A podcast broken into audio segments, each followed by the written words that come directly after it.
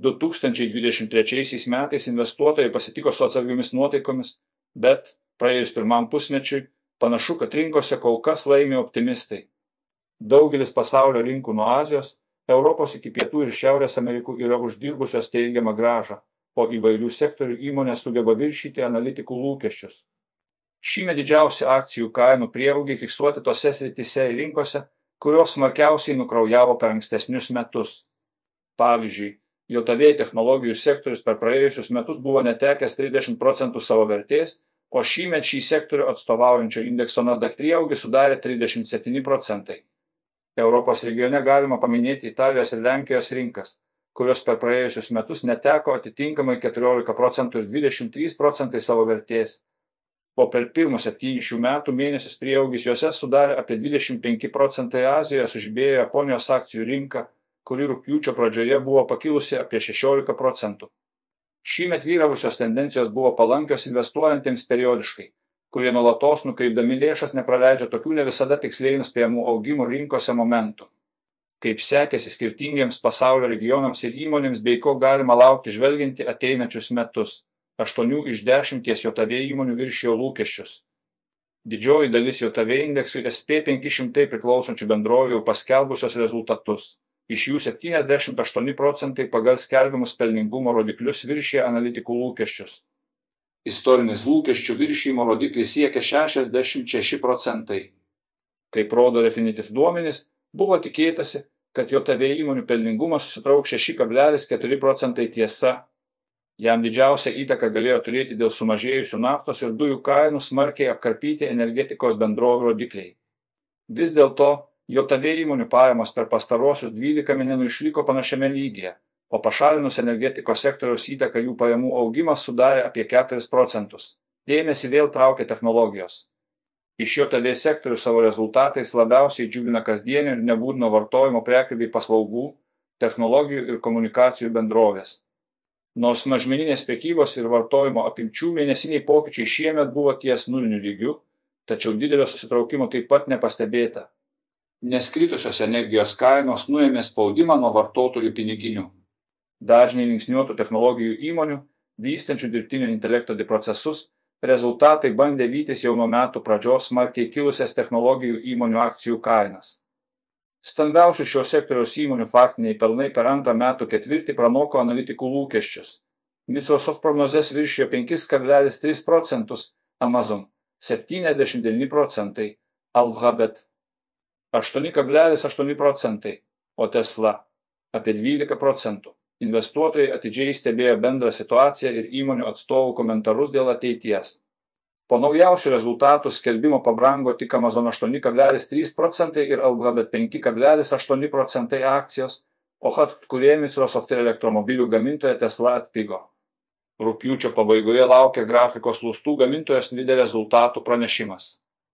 Šios akcijos vėl populiarumo viršūnė, nes po puikių pirmo ketvirčio rezultatų paskelbimo jos per dieną pabrango apie 25 procentai, o nuo metų pradžios jų kaina jau pakilo daugiau kaip 200 procentų. Pelningumą gerina ir Europos įmonės. Europoje įmonės dar tik pradeda skelbti savo rezultatus. Rūpiučio pradžioje maždaug trečdalis toks Europė 600 buvo paviešinusios savo pusmečio veiklos ataskaitas. Iki šiol lūkesčius viršijo 58 procentai įmonių, kai ilgalaikis istorinis vidurkis siekia 54 procentai.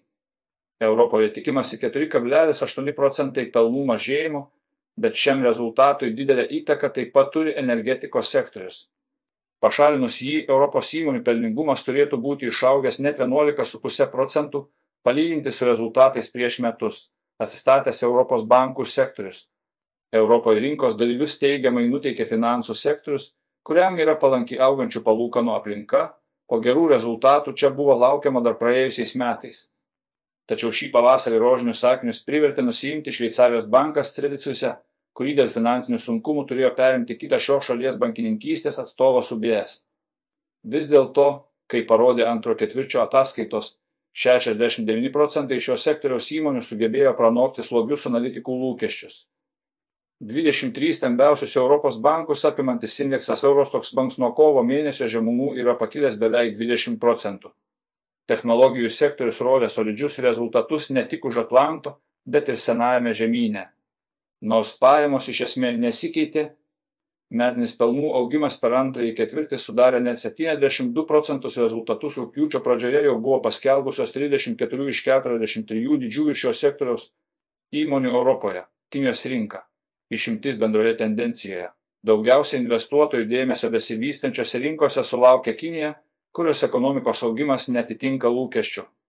Per antrą šių metų ketvirtį Kinijos ekonomika paaugo 6,3 procentai kai buvo tikėtasi bent 7,1 procentas augimo.